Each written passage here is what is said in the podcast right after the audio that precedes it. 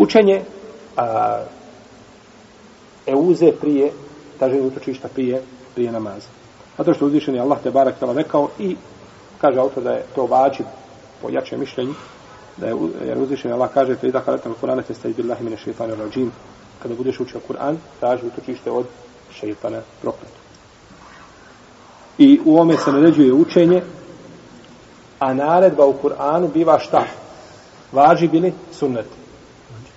Vađib. Jel, Kod, kod, kod čak e, a, a, naredbe koje je došle u Kur'anu, u Kur'anu, iako je osnova da je kod naredbe bilo u Kur'anu i u sunnetu, da je osnova da je e, da, da rezultira obavezom činjenja tog čina, no međutim, kuranske naredbe, neka ulema ima drugačiji pogled, pa kažu kuranske naredbe su vađib i moraju se izvršavati za razliku od sunnetski naredba, smatraju da je to sunnet. No, međutim, ispravno da je to vađiv ako je naredba.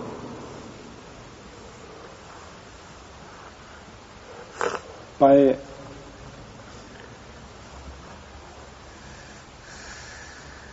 jeli, e, traženje utočišta e, tjera šeitana. A otjerat šeitana je vađib, je tako? Od namazu. Pa sve bez čega se ne može upotpuniti vađib, to je vađib, je tako? Kullu ma la yetimu el vađibu illa bihi fehuve huwa vađib. Tako je fiksko pravilo. Sve bez čega se ne može upotpuniti vađib, onda je to vađib. Tako je ispravno. Neki kažu sve šta vodi ka vađibu, to je vađib. To je pogrešno. Pogrešno je kazati sve što vodi ka vađibu, to je vađib. Ispravno je kazati sve bez čega se ne može upotpuniti vađib, to je vađib. Dobro. Kakva je razlika? Sve bez čega se ne može upotpuniti vađib, to je vađib. Znači ovako, ja ovdje sjedim i nema nikoga pored mene, sam sam. Niti mogu koga pozvati, ni dozvati ništa. I ja trebam sići dole u abdesanu da se abdestim za namaz. Je mi taj silazak dole vađib? Jer bez njega se ne može upotpuniti šta? Ili da kažem, ne mogu izaći van ove džamije, zatvorene džamije, zato nemam nikoj mogu da iziđem i moram sići dole da abdestim u podrum. Je li taj silazak dole vađib? Jeste. Zašto? Zato što se bez njega ne može upotpuniti šta? Vađib namazom. Iako abdest ostavi sam po sebi nije šta? Nije vađib. No međutim, za namaz, kada ovdje klanjam, je vađib. I taj put, odlazak, da se upotpuni taj vađib je šta?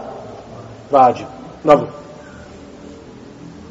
Ovo je značenje sve bez čega se ne može upotpuniti vađib, to je vađib. Jer se ovdje vađib ne može upotpuniti bez moga šta? Silaska i moga odlaska do. U redu. Imamo ovu ovdje prostoriju otučanu i mogu sići dole abdestice. A mogu izaći napolje da se abdestim na ovoj fontani.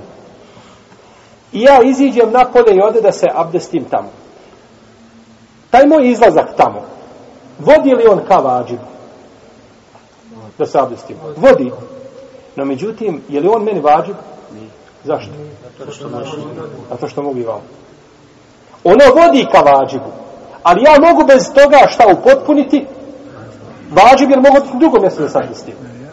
Pa je tu razlika sve šta vodi nije ispravno. Nego ispravno kada sve šta bez čega se može potporiti. Uvo sam bio na jednom ovaj, na jednoj doktorskoj desertaciji, jedan naš je sanac danije doktorsku desertaciju fiku i spomenuo je pravilo ovo u prvom slučaju. Sve šta vodi ka vađibu, to je vađib. Kaže njemu jedan profesor, kaže, ja nikada nisam čuo za ovo pravilo. To je, to je braćo, pokad bi vama neko rekao, ti si musliman, deset godina nisi čuo da ima nešto zove patija.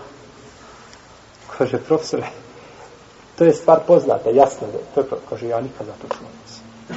Kaže, ako si ti mislio na pravilo, sebe s čega se ne može va, upotpuniti vađib, to je vađib, kaže, to je drugo nešto. A kaže, ovo što ti spomenuo, kaže, ja nikada nisam čuo. Pa mu je naređeno da to popravi. Jeste. To je precizno, ali znači, koliko je fik precizan i pravila koja je postavljena. Kratko pravilo i možeš ga sve uzeti kao šta? Klasirani jedan put u životu za mnoge stvari. Za mnoge, pa će neka stvar koja je sitnica biti šta? biti vađi, biti obavezna. I bit ćeš grešan ako ne uradiš, a nikada ona u stvari po sebi sama nije šta vađi. Ali ona uvjet za nešto drugo, ovaj, i ne može da se bez nje ispotpuniti ono što je obavezno, pa biva i ona sama sobom obavezna.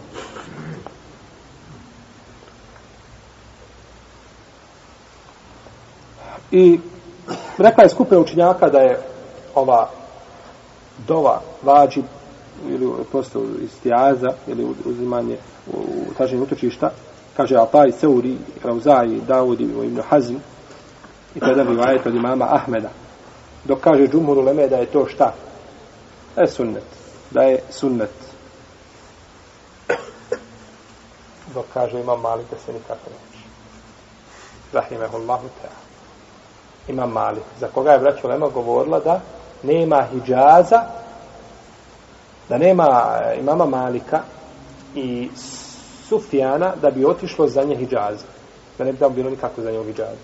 No, međutim, vidimo da su im znali šta promet, prometnuti osnovne stvari, jednostavno iz razloga što nije, braćo, tada bilo kod nas hiljade, stotine, hiljade knjiga fikha napisani. To je bilo vrijeme kada se počeli bilježiti i hadisi, zato da se jako malo hadisi bilježili. Tek je nakon toga počelo bilježenje hadisa, možda nakon malo malika, stotinu godina ili nekih 70 godina, tek nakon toga je počelo pravo bilježenje hadisa.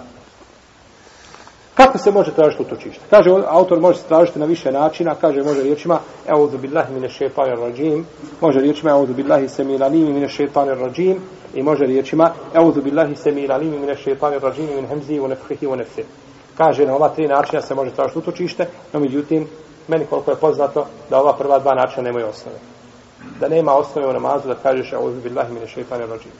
I to je potvrdila i skupina ovaj uleme E, mislim Ibn Munzir i Šejh Albani i drugi, da to nema osnove u sunnetu. Nema nigdje hadisa kada i kad je počeo traži utoči.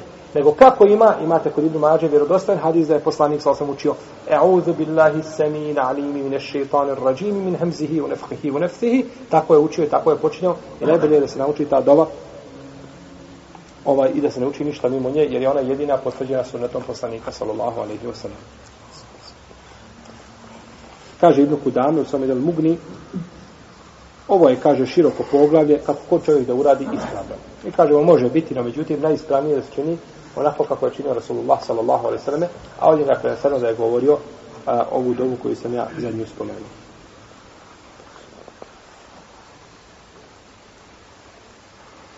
A neće smeti onome ko ne zna da uči dok ne nauči ali pokušajte potra, ovaj, imat ćete ovu dovu Rama, u knjizu Ramaza, ne spomenuti, spomenuti u staroj štampi.